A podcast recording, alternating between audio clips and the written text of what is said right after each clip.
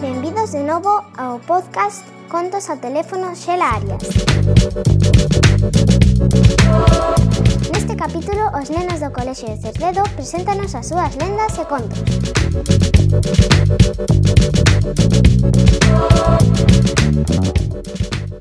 O povo do Outeiro. Conten os maiores do povo do meu pai que fai moitos, moitos anos unha parexa tiña unha nena pequena, moi bonita e loira, e cunha gran melena. Esta marchou na búsqueda do seu can, pero cando xa pasaban as horas e a nena non voltaba, os pais, preocupados, empezaron a buscala e chamala por todo o povo, os cales se uniron os veciños, andiveron a buscar na súa procura ata que ven a entrada a noite ata que desistiron polo mal tempo. Entón a nai foi onda ao cura pedirlle que deixase ir onda a Vixen dos Dores, pedirlle que ainda que aparecera a súa filla e o día seguinte, cando ían comenzar a buscala, a nena apareceu pola porta completamente seca, porque unha señora cun manto negro a cobixara toda a noite. A nena saiu pola porta e dirixiuse a onda o cura de novo para voltar ondo, para onde a fonte. Deron, deronlle las gracias para a súa sorpresa. Foi maiúscula e tocarlle o marito o manto da Virxen e comprobar que estaba completamente emportado. A Peceira e o foxo dos lobos. Esta historia sucedeu en Vilar de Figueroa, un pobo do Concello de Cerredo Cotobade. É a historia da Beceira, na cal os veciños xuntaban o gando nun lugar coñecido como o Campo das Ovellas hoxe lugar de recreo dos veciños. E por quendas subían o gando o monte? E segundo a cantidade de ovellas que tiveran ían unha ou máis veces o mes con el. Levaban nas pa pedrouzos ou alto da eiriña. Se algunha ouvella causaba danos, estes corrían a cargo do pastor encargado do rebano Estes pastores gardábanse do mal tempo en casetas ou en chozos, como o de Fonte Xasteira, que inda existía actualidade. Tamén asist, existía o foxo dos lobos, un burato feito na terra a, rodeado de pedras no cal metían unha ovella bella e cando o lobo tiña fame saltaba pa comela e xa non podía saír era e morría alí. Agochan tesouros, altares, santos de ouro, persoaxes míticos, hai penedos que se abren petando neles, rañando cun coitelo ou dicindo unhas verbas máxicas. Estas creanzas tamén están relacionadas con antas e mamoas. En moitos penedos hai un culebrón que vixe os tesouros, tamén abondan as pedras de sacrificio con co covas pías, altares... Aparicións, contou a señora Eloína de Vilar. A señora Eloína de Vilar, unha persoa seria e discreta, contoume que era un día foi oír unha misa cerdedo adicada a Santa Teresa. Por certo, según me contou, chegou tarde. Ao chegar a casa, foi por verdura ao balde baixo, vendo como o señor Eduardo Barreiro camiñaba por cheras arriba cun bastón ombreiro. A señora Loína quedou un tanto extrañada pola hora que era. Non obstante, pasaba con frecuencia por ese sitio cara a estrada, porque tiña un preito con preciosa de Sabino, por unhas leiras. Por certo, sigue dicindo a señora Loína, todo o lugar de Vilar foi declarar a favor do señor Barreiro. Ao chegar a casa, a señora Loína contou o que veu Entón os da casa dixeronlle que era imposible, porque o señor Barreiro está na porta da casa cun neno nos brazos. Calaron o asunto, pero pasaron un mes máis ou menos, levárano para a estrada co fin de operalo do estómago. Xa non chegaron a operalo, porque morreu antes. O lobo, Chámame Gemma Bolleiro Parada, teño nove anos e curso terceiro de primaria.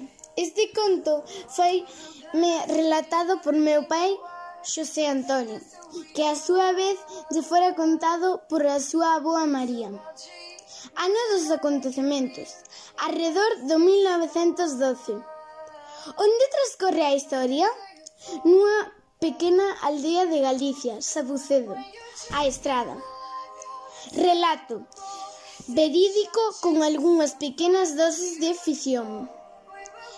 Nos primeiros anos do século XX en Sabucedo as súas xentes subsían maioritadamente facendo as tarefas agrícolas e coidando o gando. Unhas vaquiñas para comer un gurrucho de leite e venderlle un becerro o ano.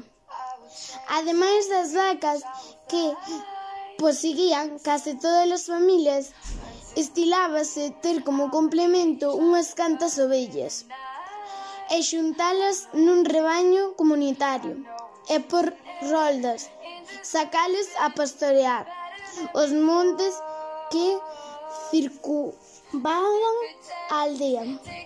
María era naqueles anos unha nena espelida, observadora, como dicía Neira Vilas por Balbino, o protagonista de Memorias dun neno labrego. Unha nena de aldea, un ninguén. A precairade da vida aldea facía que seus pais a mandaran cando a casa lle tocaba sacar as ovellas a pastar. Era un día do mes de marzo. María, nesa xornada, non acudía á escola eran unha realidade do campo galego que cando nas casas precisaban do neno para os traballos agrícolas se susteran na aprendizaxe. Así, miña aboa María me dicía con cara de tristura que ela o que sabía aprenderono no inverno, que nas épocas primaverais e veraneais non podían deixar as tarefas e ir recibir as súas leccións. Primeiro era a vida e logo como tarefa secundaria a escola. Volvendo á historia, a súa nai na véspera xa lle advirtía. María, vai cedo pa a cama. Mañá tes que madrugar que che toca a nosa casa as ovellas. Ela replicoulle: Logo non podo ir á escola. Contestou a nai: Non, mañán non. Xa falo co mestre que teu pai e máis eu imos labrar e despois gradar a besacarballa. Todo o día e non, e non hai a quen lle botar as ovellas. Ti és a maior e tes que ir, miña filliña. María, ao chamo da nai, pegou un chimpo da cama, almorzou como un raio, papas de fariña de millo, e enseguida botou as catro vellas do seu cortello, ata a pequena praza do pozo, que estaba na dianteira do seu humilde fogar. Comenzou a correr todas as casas do lugar. Empezou polo calaval Logo pasou polo cruceiro e o cortello veo, vello. Subeu a chousa, baixou polo celeiro, despois o recanto, a aldea de baixo. María tocaba o bucio e berraba. O villas ao pozo, non máis alá, que abrir o día xa xuntara entre ovellas e años unhas 120. Chamou polo seu can ruzo e dispúxose entre asubios, berros e bareadas, encamiñar a rolda ata os montes do Curuto, rega da xesta e limóntrefes. Era un día solleiro, con nubes baixas, Ao chegar ao curuto, despistounos un chisco para que empezaran a pousar o fuciño no toxo mansiño recién rozado. O rebaño seguía monte arriba, andando e comendo, viron ata pasar un cume e albiscar a pequena estrada que une a estrada con Forcarei. María xogaba con todo o que vía o seu paso, libre e contenta. Corría e viaxaba, ogando. Enseguida dou a hora de xantar e botou man dun anaco de chourizo e un pouco queixo que meteu no medio dun codelo de pan de millo que levaba no morral Logo matou a sede nunha fonte de auga fría que atopou de casualidade. Chegou a tarde e nublouse o día. Unha neboa mestra mes, mesta que comenzou a colonizar o ambiente que co paso das horas impedía ver ben o gando a uns metros de distancia. Ruzo, que divigaba no medio do bando, veu o seu regazo asustado. As ovellas balaban despavorridas e a nena María no medio dunhas teixeiras altas empezou a ouvir ruidos extraños. Colleu tanto medo que as pernas e o queixo lle termían como unha vara verde. Cabilou co seu maxín, da, maxín de nena. E será o lobo o que escondido me vai a comer as ovellas? Abandonou a situación que tanto temía. Marchou montabaixo e buscaba, e buscaba axuda. Chegou a casa tremendo e suorosa de tanto correr, os pais estaban metendo o gando na corte e María berroulle con voz entrecortada. Mamá, mamá, o lobo, vin o lobo, vai matar as ovellas. Os pais Os pais foron correndo monte arriba e chegaron a xunto ao gando, vendo que todos estaban sans e salvas trouxéronos pa casa. Repartíronos por a aldea. Falsa alarma. Todo quedou en enredos e medios e medos infantís. Pasaron os meses. María seguía co súa vida de nena e por quenda tocaba a súa casa, sacar as ovellas, o monte de novo. María Miña nena, mañán tes que ir coas ovellas a ver se non te asustas e pasa como a da outra vez. Replicaba Yanai, con aire un pouco autoritario. Pero esta vez era destino acompañada de súa irmán Elisa. Saíron as dúas nenas con morea de ovellas e buscaron estaban de comida, pero esta vez a paraxes en sentido contrario. O monte de baixo, a vaguada do castelo, que cruzaba a estrada que vai a Quireza. Como ían, as dúas nenas xogaban e falaban mostrando máis seguridade. Comeron, beberon nas fontes de agua cristalina daquela entón. Na tarde xogaran a pedriña e saltar dos outeiros e a buscar niños nas árbores que poboan os amplos montes. Xa que estaban metendo o sol no seu escondite, que naqueles pobres tempos servía de reloxo e as pequenas pastoricias eh, trataban de encamiñar o gando ata o roteiro que o levaría á aldea. De súpeto, Elisa berrou. María, María, detrás daquele outeiro vin unha cousa negra. Contestoulle María. Tranquilízate, non ha de ser nada. Pois vai mirar, corre. Non, eu non vou, tiño moito medo. Non será o lobo. Elisa casi lle corrían as vaguas polas súas redondas e acaloradas meixelas. María dicía, Non, Elisa, para a casa non podemos marchar, que nosos pais nos berran e non nos creen. Se abandonamos as ovellas e non é verdade o do lobo, que pasará?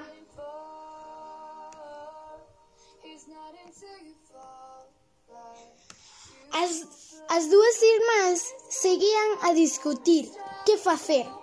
E de repente un lobo saeu detrás do outeiro e dou un chimpo. Tirouse encima dunha ovella. Mordéronlle a perna Outro saía detrás doutra rocha, saltándolle encima a outra. Nunca viran as feras tan preto delas. Elisa, corre, vamos para casa. Correndo a todo meter, as dúas irmáns ían e buscando dos pais. Cando toparan dous homes xuntando erva nunha leira preto da lima. Era Benjamín e o seu fillo Berto. Socorro, acudíronos. O lobo está comendo todas as ovellas. Correde, vinde con nós.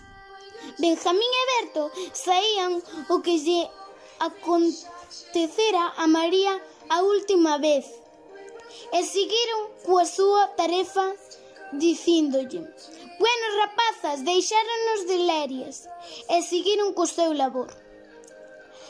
Elas viron a actitude dos dous homes e seguiron ata o seu fogar. Cando chegaron, dixeronlle a súa nai. Acude, nai, o lobo queda queda matando todas as ovellas. Nos escapados e ninguén nos fai caso. A nai, que estaba lavando roupa no corral, nunha pequena pía de pedra, contestoulle. Bueno, nenas, a ver se non é verdade escapastes do monte con medo. Contestaron as dúas rapazas, case ou nínose. Sí, mamá, o lobo saleu do seu escondite e queda atacando as ovellas. A nai chamou o seu home e xuntos subiron ao monte para ver se era verdade o que dicían as súas fillas. Cando chegaron ao lugar, viron entre nais e crías máis de 20 mortas e dúas comidas. O lobo xa levara os cadáveres dos animais e xa rematara o seu festín.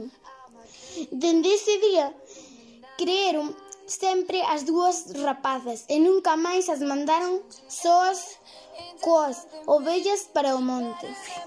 Fin. Moralexa. Se un neno alarma falsamente ou minte e un maior o colle na mentira, será máis difícil que ese maior lle crea cando realmente di a verdade. Limiar. Limiar. O galla este pequeno... O galla este pequeno relato sirva de recordo da miña queridísima avoa, materna María, polo seu gran tes un esforzo a loita en prol da súa familia e en definida da nosa terra galega. Sí. Lenda da Cova da Moura.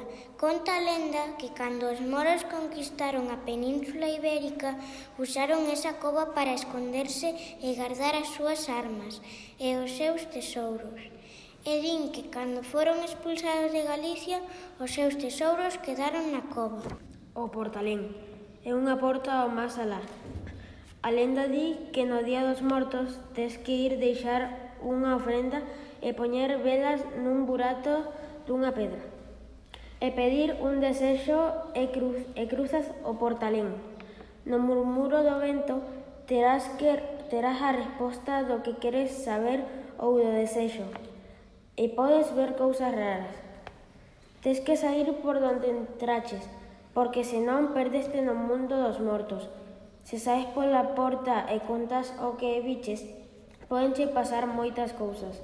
Os mortos van por ti, podes quedar sen vos ou ocorrerche desgracias. A carretera de Tres Aldeas. Alá, polo 1971, nas Tres Aldeas non había carretera. Era un camiño estreito e cheo de buratos. Apenas collían os carros das, das vacas. Un home chamado José Porto, que por certo era meu bistío, decidiu reunir o povo para buscarlle unha solución á desastrosa carretera. Decidiron arranxala entre todos os veciños, que a maioría eran mulleres. Anchearon e botáronlle grava e cemento. Os veciños ían detrás allanando compás e rastrillos, porque daquela non había máquinas. A carretera foi arranxada de novo fai uns 15 anos aproximadamente, que é a que temos actualmente. Cando existía no inverno o baile no salón de Cerredo, iban os mozos e as mozas, pero as mozas sempre iban acompañadas dunha persoa maior para que non lle pasara nada, porque era de noite e andábanse por camiños con un farol. No salón había como unha balconada que tiña de nome Baliñeiro, que estaban os maiores a controlar que os mozos e as mozas non se pegaran tanto. A hora de bailar, nese se bicaran para que para despois criticar. Conta un veciño que cando viña do baile iba acompañado a unha moza na que hoxe ven sendo súa muller. A súa tía, que na metade do camiño deu unha patada ao farol coa rabia. Súa tía iba alumeando co farol para controlar que non a bicase. A almofada da pirocha. A lenda, esta é unha lenda de Cerdedo, A lenda di que se un home camiña no seixo pola noite e se topa coa almofada da pirocha que é unha pedra grande, aparecerá unha muller moi guapa que o hipnotizará e, e quitaralle a alma e a meterá dentro da pedra. Se di que ali hai moitas almas atrapadas.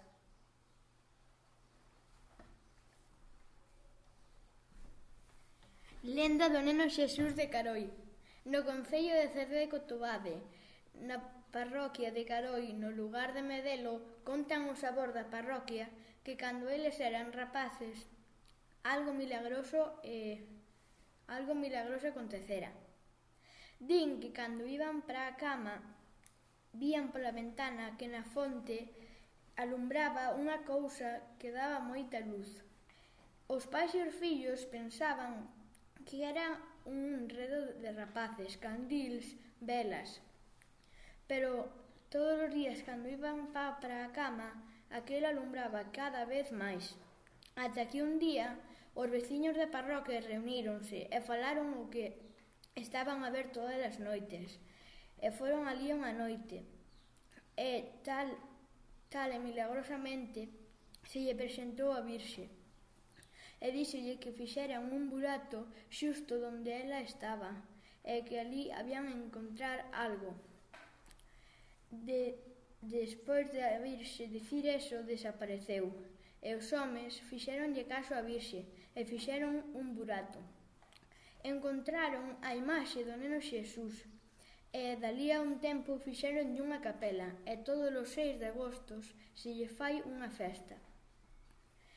A imaxe verdadeira que se encontrou milagrosamente e foi roubada e no seu sitio hai outro.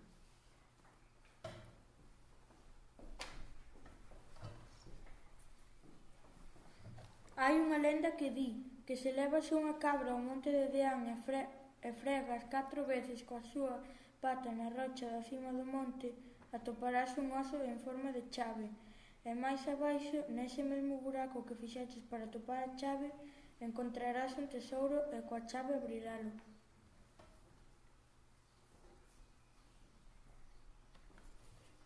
Hai unha lenda que di eh,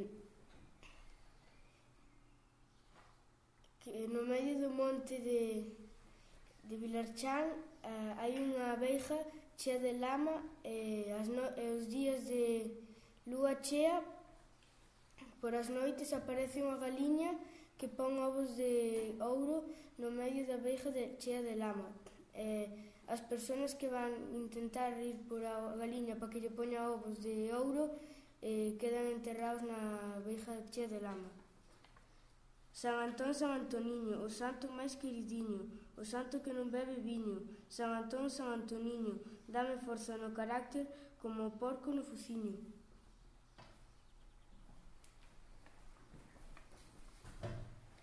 Cando a miña boa era nova, iba ao sexo coas vacas con un seu veciño. O día estaba despexado, pero enseguida empezou a cubrirse de néboa.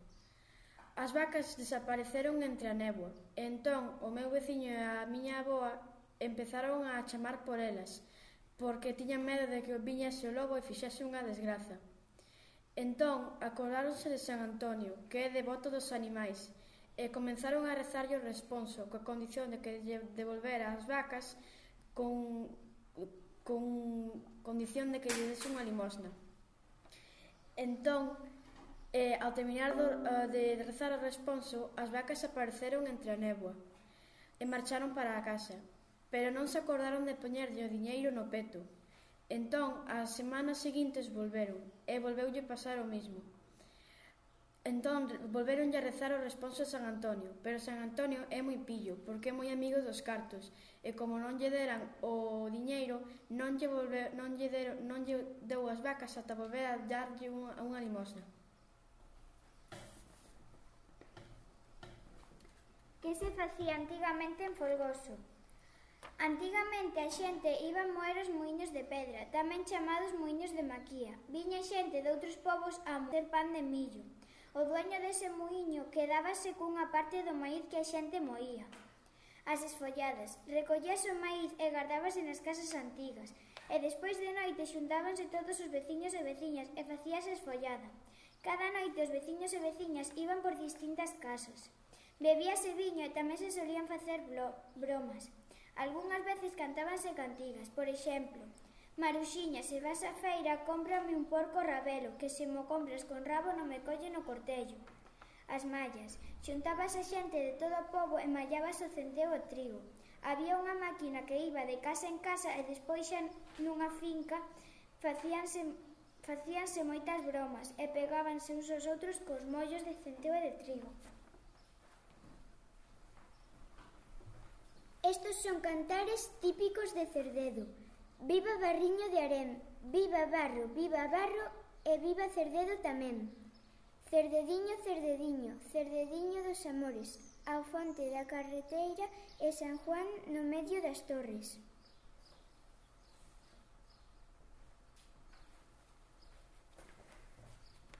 Cantigas e ditos populares da miña contorna. Carretera de Quireza, as areas botan flores, por aquelas carreteras pasan os meus amores. Pasei a ponte do Cando e pasei nunha carreira. Pensei pillar unha troita e pillei unha costureira. Eu pa Quireza e de ir, aunque me poñan cancelas, eu como son pequeniña, paso por debaixo delas.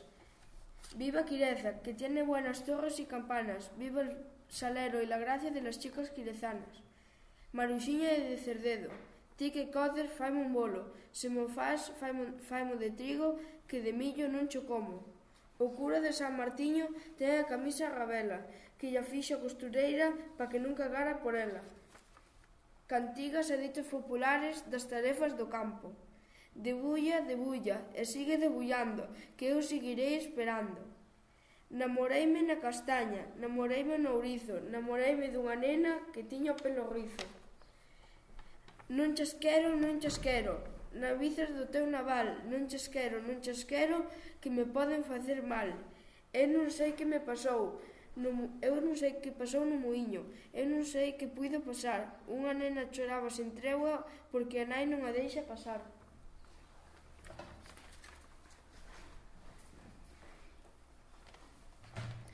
A lenda dos mouros. No coto de Castrodiz, os mouros teñen agochada unha pedra coa cara dun príncipe mouro e dice que dentro da pedra agochan a tumba do seu príncipe, altares, santos de ouro, etc.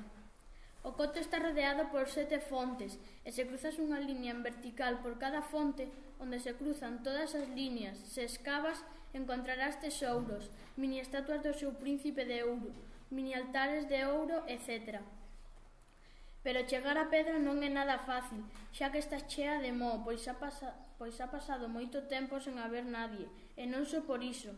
Tamén dice que hai unha culebra moi grande vixiando a entrada, e cando cruzas unha liña vertical polas fontes se das un paso mal xa perdiches o tesouro, pois vai todo recto e é moi fácil dar un paso mal, pois o camiño non é moi doado para andar, pode haber casas, coches, farolas e moitas máis cousas polo camiño.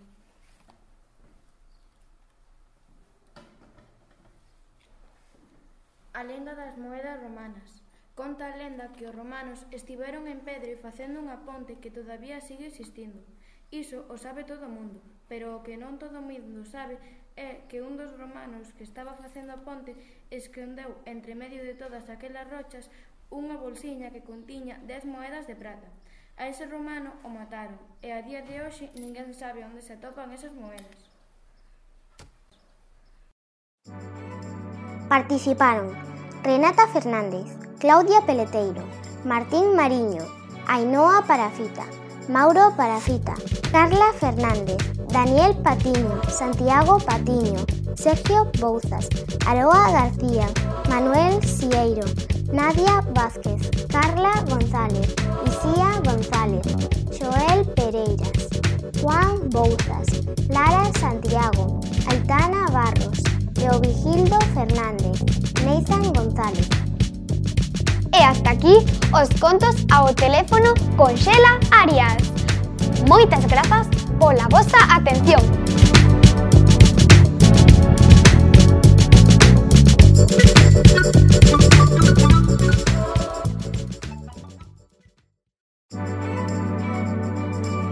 Benvidos de novo ao podcast Contos teléfono Xela Arias. Agora vamos coas lendas recopiladas polos nenos e nenas do Colexo de Tenorio,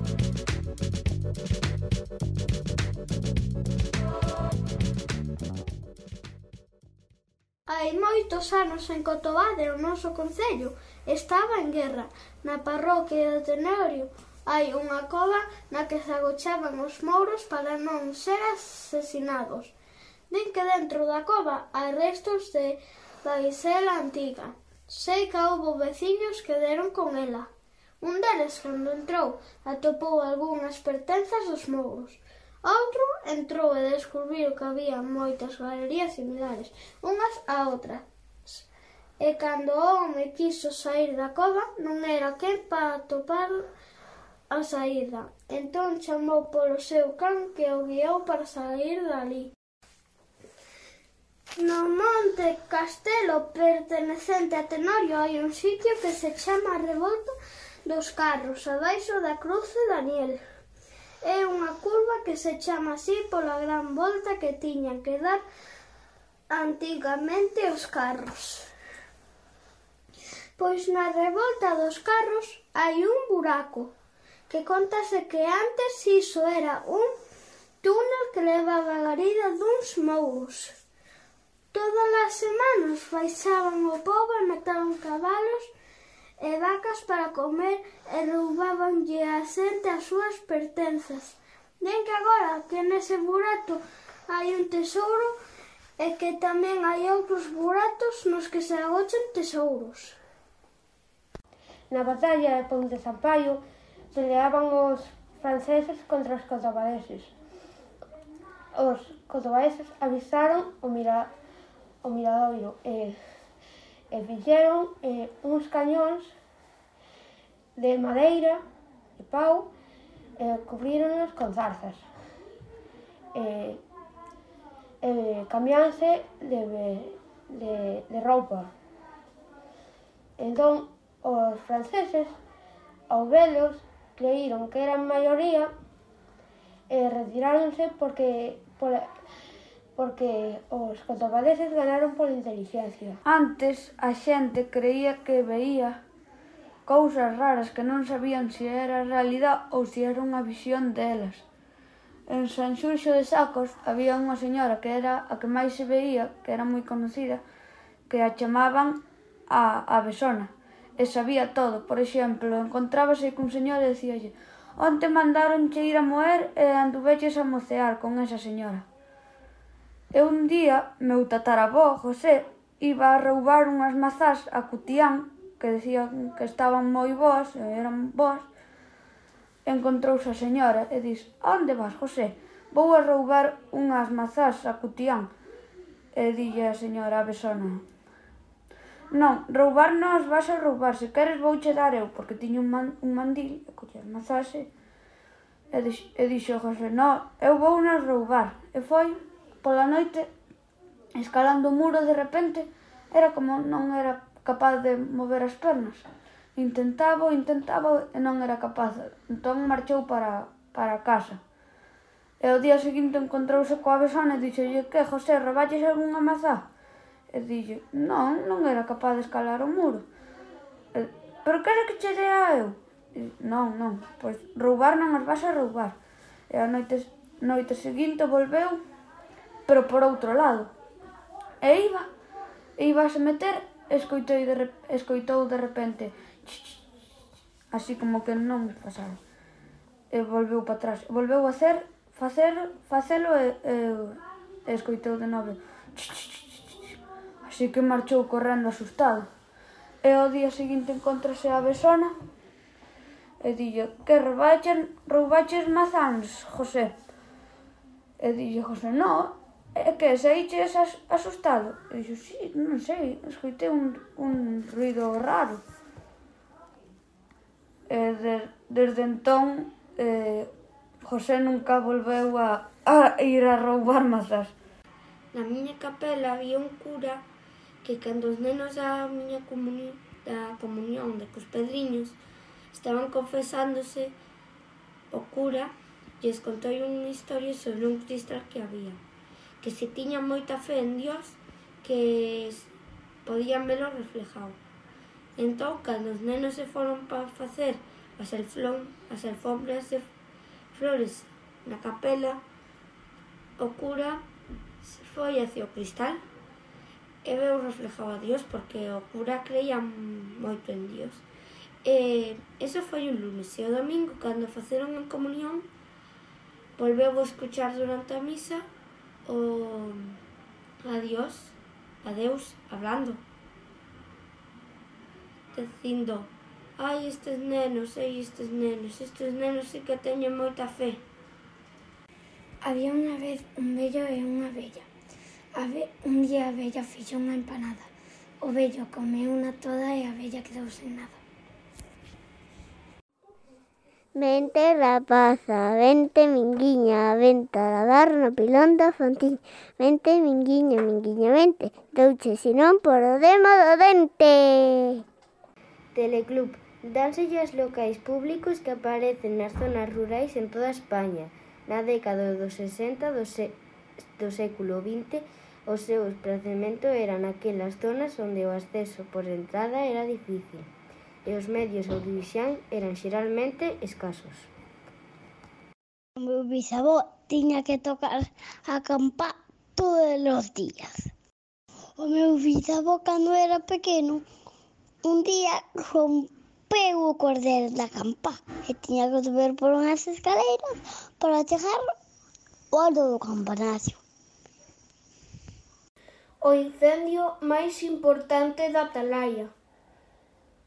O incendio máis importante da Atalaya empezou no, dos, no 2006. Toda a Atalaya só, só tiña un, unha entrada para, para entrar e salir e había moitos árboles. Entón, o, o lume propagábase máis rápido. Nos prote, protexíamos as casas coa manguera para, para que non, non se incendiasen. Entón, o meu pai chamou ao agro e, vin, e veu cun camión cisterna para axudarnos. Carballeira do Xanxusto, Carballeira enramada, naquela carballeiriña perdín a miña navalla. En 1809, o exército de Napoleón entrou en Galicia e unha parte do exército estivo en Tenorio, Cotobade. Nos días seguintes, os habitantes cansos loitaron contra o exército de Napoleón, pero non o conseguiron e perderon. E un tempo despois, voltaron a loitar con un cañón de pau feito a man e venceron. O exército de Napoleón perdeu e tivo que irse de Galicia. Participaron Sara González, Paula García, Xurxo Aval, Carlota Fiuza, Sergio Delgado, Lucas Cabanela, Leo Alonso, Noa Pichel, Ángel Rosales, Alba Martínez, Julia Louzán, Mateo Filgueira. Moitas grazas pola vosa atención e nos vemos no próximo podcast.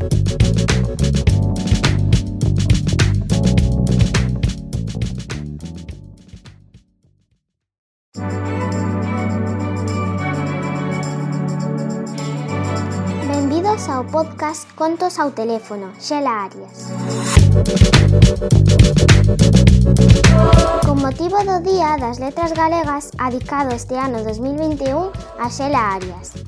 Os nenos e nenas dos colexios de Cededo Cotobade recopilaron lendas e historias guardadas na memoria dos seus pais e avós. Neste capítulo presentaremos aos participantes do Cole Carballedo, que nos mostrarán en primeiro lugar en tono de humor o programa da Casta Radio coa súa mascota Castañón. Como presentador e a continuación non vos perdades a recopilación das súas lendas.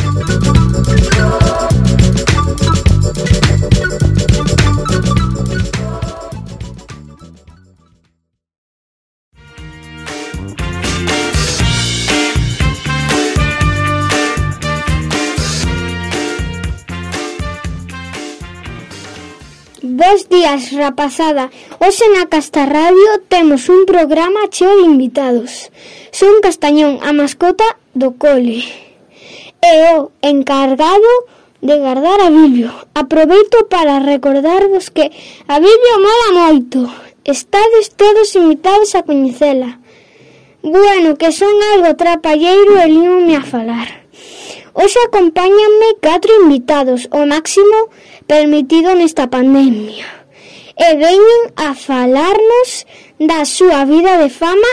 Un aplauso forte pa eles.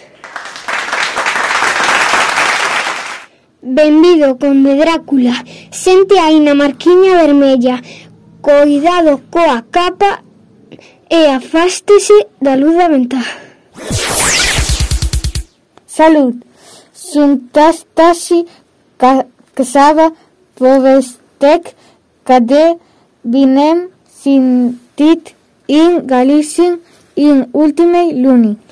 Damos paso á gran bruxa de Roald Dahl. Desinfecte as mans e tome asento, bruxa. Hallo zusammen. Haitevich il radio. Suhoren gewette idiote. Fatsellen. Was mit in der letzten Tagen passiert ist. Creo que estamos a ter problemas técnicos. Pase vostede, Don Quijote, pero o cabalo ten que quedar fora. Ignorante ser, non é un caballo, sino un corcel. Buf, non se está a entender nada. Demos paso ao seguinte invitado.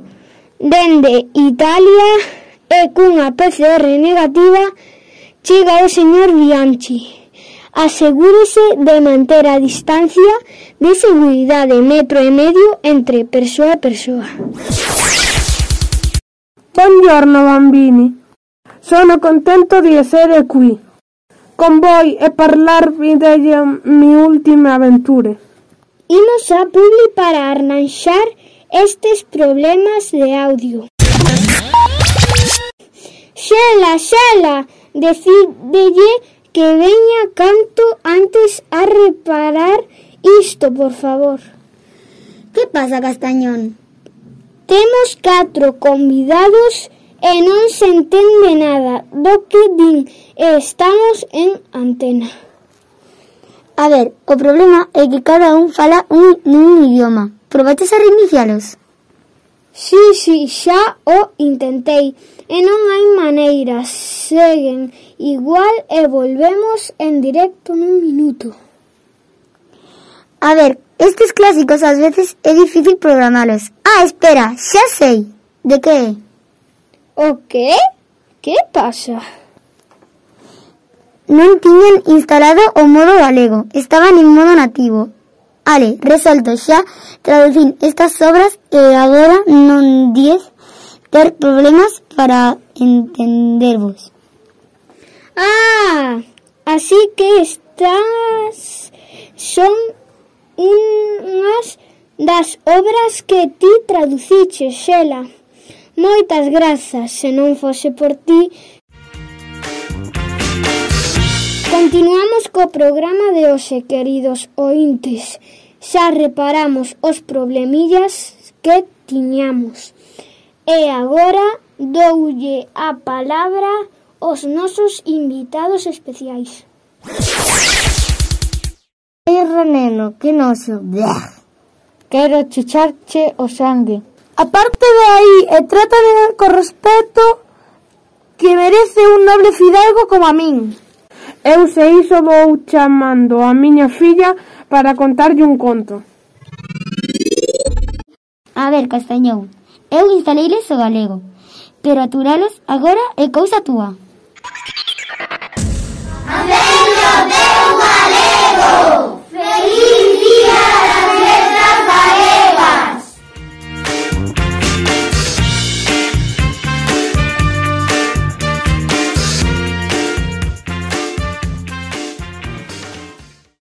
Estamos aquí para presentaros nuestras propias lendas. Muchos nenos trajeron eh, cuentos de Cotobadis. Esperemos que nos guste moito. Estedes moi atentos que van a empezar. Lenda da pisada da Virxen. En San Andrés de Balongo pasou a Virxen María. Un xía buriño para as reales. Aí na pisada a súa burriña. E podes pedir un desexo. Hasta a miña bisaboa. A miña bisaboa, cando era pequeña, iba a buscar leite por todas as casas e levaba un bidón e un remolque con ela. Tiña que caminar todos os días 4 kilómetros, aínda que chovera. Cousas que pasan. Un día a miña bisaboa acolleu na súa casa un home pobre e deixoulle pasar ali a noite. Pola mañá o home tiña ganas de facer as súas necesidades e atopou un periódico bello. E alí as fixo. Cando illa salir da casa, miña bisaboa preguntoulle que levaba naquel paquete. O home respondeu que levaba o que era del, pero a miña bisavoa non o creía, porque o home viñera sin nada. Tanto insistiu para que lle ensinara o que levaba naquel paquete, que o home yo. Podedes imaginar a cara a que se quedou? Dende aquela na miña familia Dice, cada un leva o seu. A cova no Monte Castelo. Conta a lenda que por esa zona non se pode levar animais porque entran na cova e non saen. Por eso dicen que esa cova está maldita.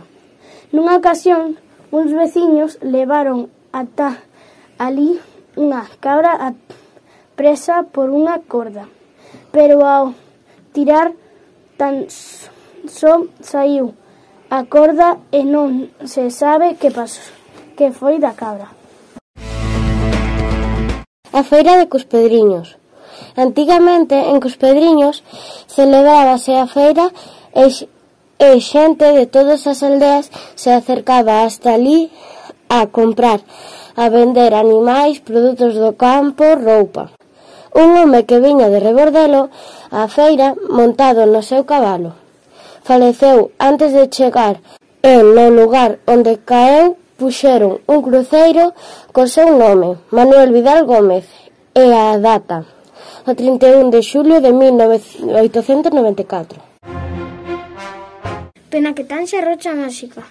Hai anos na aldea de Pedre había unha tradición que esconsuraba as tormentas os tronos e as chispas. Os pastores que no alto daquel monte coidaban do gando pronunciaba sobre unha pedra o seguinte ensalmo, mentres batían con forza os seus coxotes contra ela. Tente trono, tente ti, que Deus pode máis ca ti. Entón o trono aplacaba e dende aquela esa rocha coñecesa po nome de pedra que tanxe. A súa forma tamén sirve coma vixeira para estar protegido. Nemesio era un home que vivía en ca que viveu en Caroi.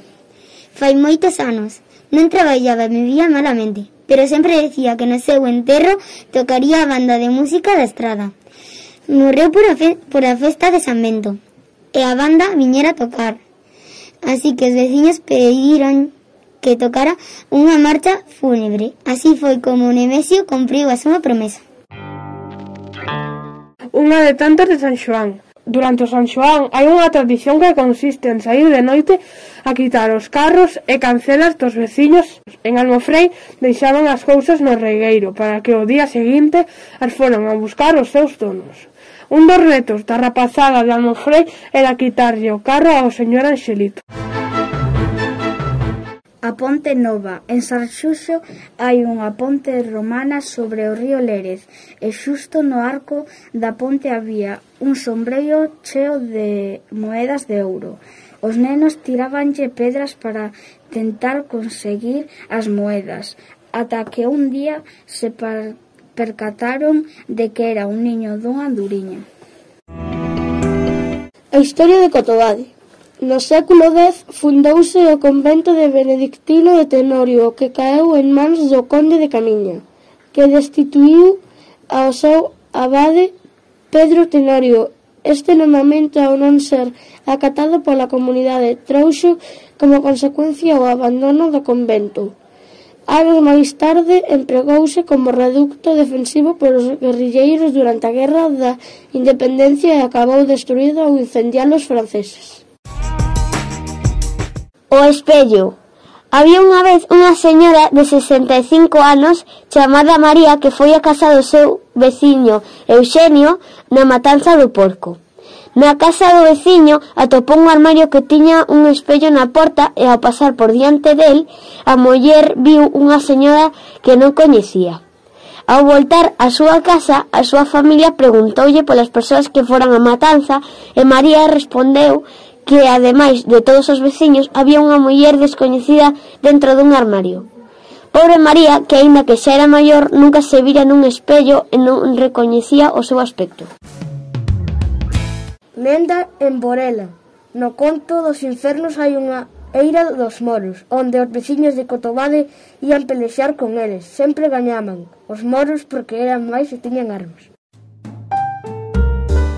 Perfeutiño de Rebordelo, en Pozo Negro, Rebordelo vivía perfeutiño, nunha casa pequena con escasos froitos e poucos animais. Era un home pequeno que levaba a roupa que lle regalaban, unha gorra, e sempre ía descalzo.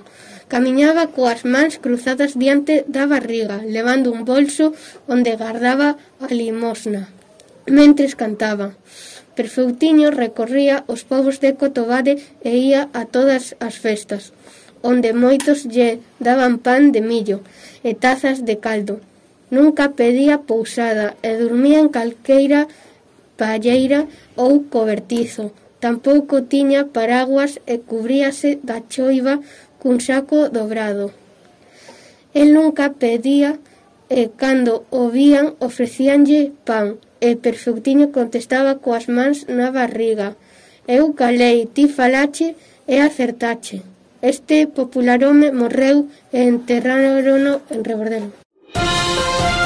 Tenorio Fai 250 anos os veciños de Villascón levaban un carro de bois que se enredou.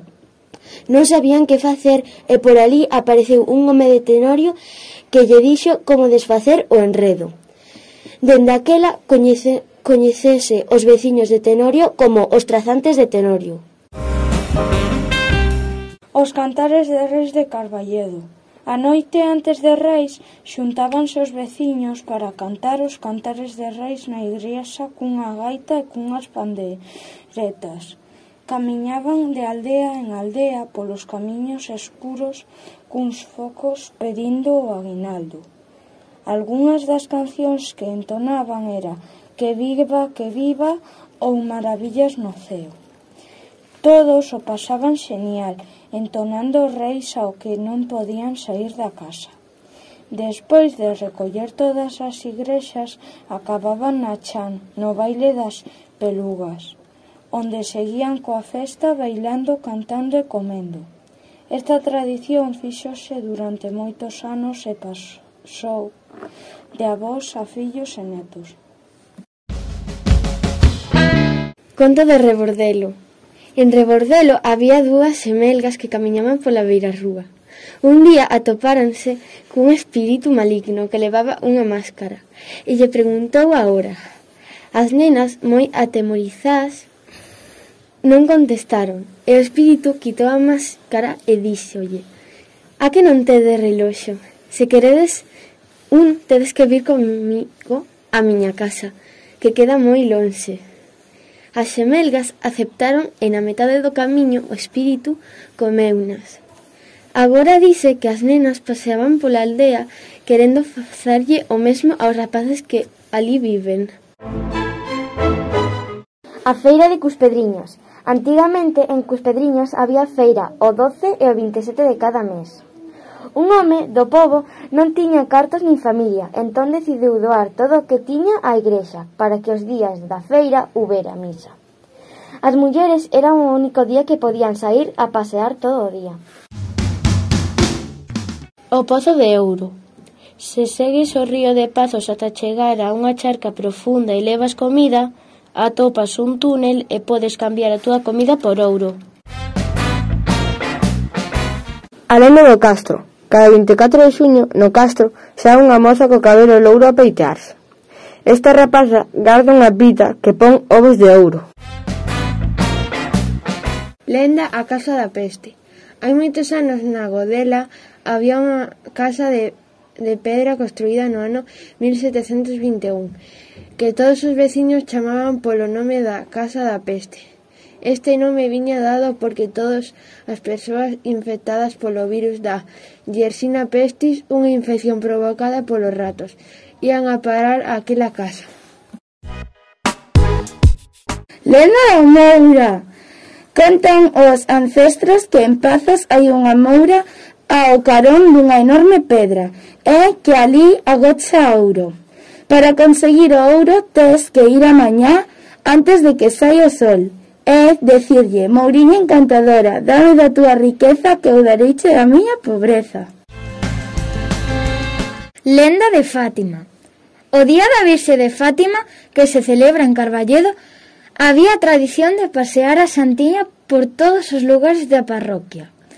Un ano, un dos veciños enfermou gravemente e prometeu que se saía vendo unha operación a que se tiña que someter compraría unha santiña nova e faría festa mentres el vivise. O, em, o home saiu ben da interven, intervención de que e cumpliu a súa promesa ata que morreu. Dende aquela, cando a procesión pasaba pola casa do defunto, as pombas que tiña no pombal da súa veiga pousanse enriba da, da imaxe de Fátima que el mesmo mercara. Música A moura que casou. Un día un pescador atopou unha moura no río. Para poder casar con ela tiña que desencantala e bautizala. Casaron e a moura marchou regresando ao seu encantamento. O espírito. Un home saiu a pasear pola noite e atopou a súa tía e a saludou dende lonxe. Ao día seguinte, díxolle ao fillo da muller que a pasada noite vira a súa nai. O seu primo respondeu que non podía ser porque a súa nai morrera aquela mesma noite.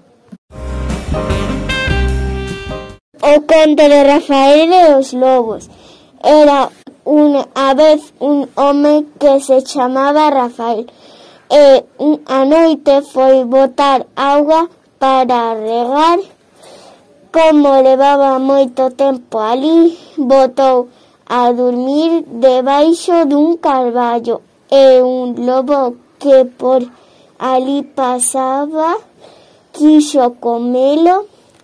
O lobo tapou cun as follas e foi chamar o resto de manada e Rafael ao escoitar a todos aqueles lobos aullar, subiuse ao carballo cando chegaron os demais lobos nos vían o home e comezaron a pelexar por sorte a muller de Rafael chegou a espantou aos lobos por que xa soñara que algo malo lle ia pasar. E seu marido. A señora Augas Santas Conta a lenda que un día ia unha muller cega. En peregrinia naxe e cando pasou por Augas Santas detuvo na fonte a beber o aproveito para fregarse a cara e enseguida notou que podía ver. Entre a maleza pudo distinguir a imaxen dunha virxen e ali me, mesmo eh, onde se construiu a igrexa de Augasantas. Sebastián era unha vez un home que se atopou cun lobo atrapado nunhas pedras. O lobo pediulle axuda para sair de ali. Prometeulle que non o comería, pero rompeu a súa promesa e tentou comelo.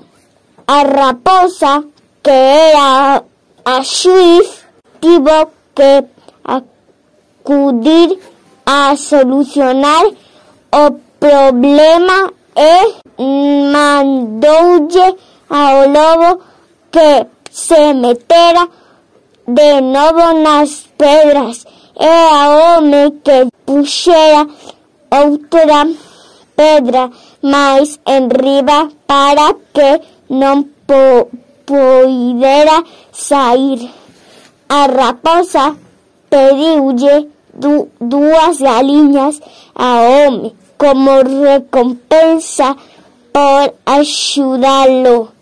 Sebastián chegou a casa en vez de coller as galiñas meteu ao can nun saco e levou as foi como Sebastián conseguiu escapar do lobo e non perder as súas galiñas. O pozo sanguento contase que este pozo tragou un carro de toxo cos seus bois e que ten un pouco pozo feito polos romanos que conduce a cova do castro no alto do Montes do Seixo. O chan de María Dudara. Na parroquia de San María de Sacos se encontra a capela de San Lorenzo. Todos os anos polo seu santo danlle unha pedrigación des, co santiño desde ali hasta o cábaro, onde pasa a mitad do ano co anxo, co anxo da garda. A veciña do cábaro, que se chamaba María de Urara, xo levantar dúas hiladas a pedra da cambela, para que o seu santo poda ver a súa iglesia de orixen. En memoria desta, desta señora, medio as dúas capelas, o paseachán de María de Urara xogas de rapaces. Antigamente os nenos e nenas ían a escolas separadas e non podían xogar xuntos. Os rapaces xogaban coas cocas dos árbores, como se fosen canicas, ao trompo, aos dixotes, que eran ramiñas de sabugueiro onde metían bulas de vacas roxas e despois lanzábanas. Tamén xogaban aos batáns, unha especie de muiños feitos con canas de funo, fungos que puñan os regueiros para que rodaran, mentres as nenas xogaban ao escondite as pedriñas que eran dez pedras pequenas que che lanzaban e tiñas que, que tentar collelas coa parte traseira da man e vai a bailar. Antonio era boculeira. Antonio era unha muller moi traballadora. Que tenía un escampo calameiro. Excelente candidato. María Braita de animales de. Contaba historias na Braita de la ladeira. A gente gustaba mucho sus contos. La terera de Cotavia había una fera que tenía un agujero y que, que adentro del agujero avión de toro. La piedra está en Viascón. El lago tesouro dos mouros. Pasaron un túnel para cogerlo. Lenda de Florentina. Florentina era unha moza de Loureiro que foi noiva dun galán de bo porte. Quedou embarazada e o seu namorado abandonouna. Aos 23 anos morreu da tristeza de que aquilo lle produxo. O seu namorado encargou facer unha lápida na que se pode ler un poema que aínda hoxe se atopa no adro da igrexa de Loureiro. Nel pódese ler da prenda máis querida yacen aquí los despojos y no se contienen los ojos de llorar a Florentina. García, joven desconsolada, que a los 23 años de edad pasó a la eternidad. Diciembre, día primero de vida fue el postrero para esta joya malograda. 1857. Hasta aquí nuestras nuevas lendas.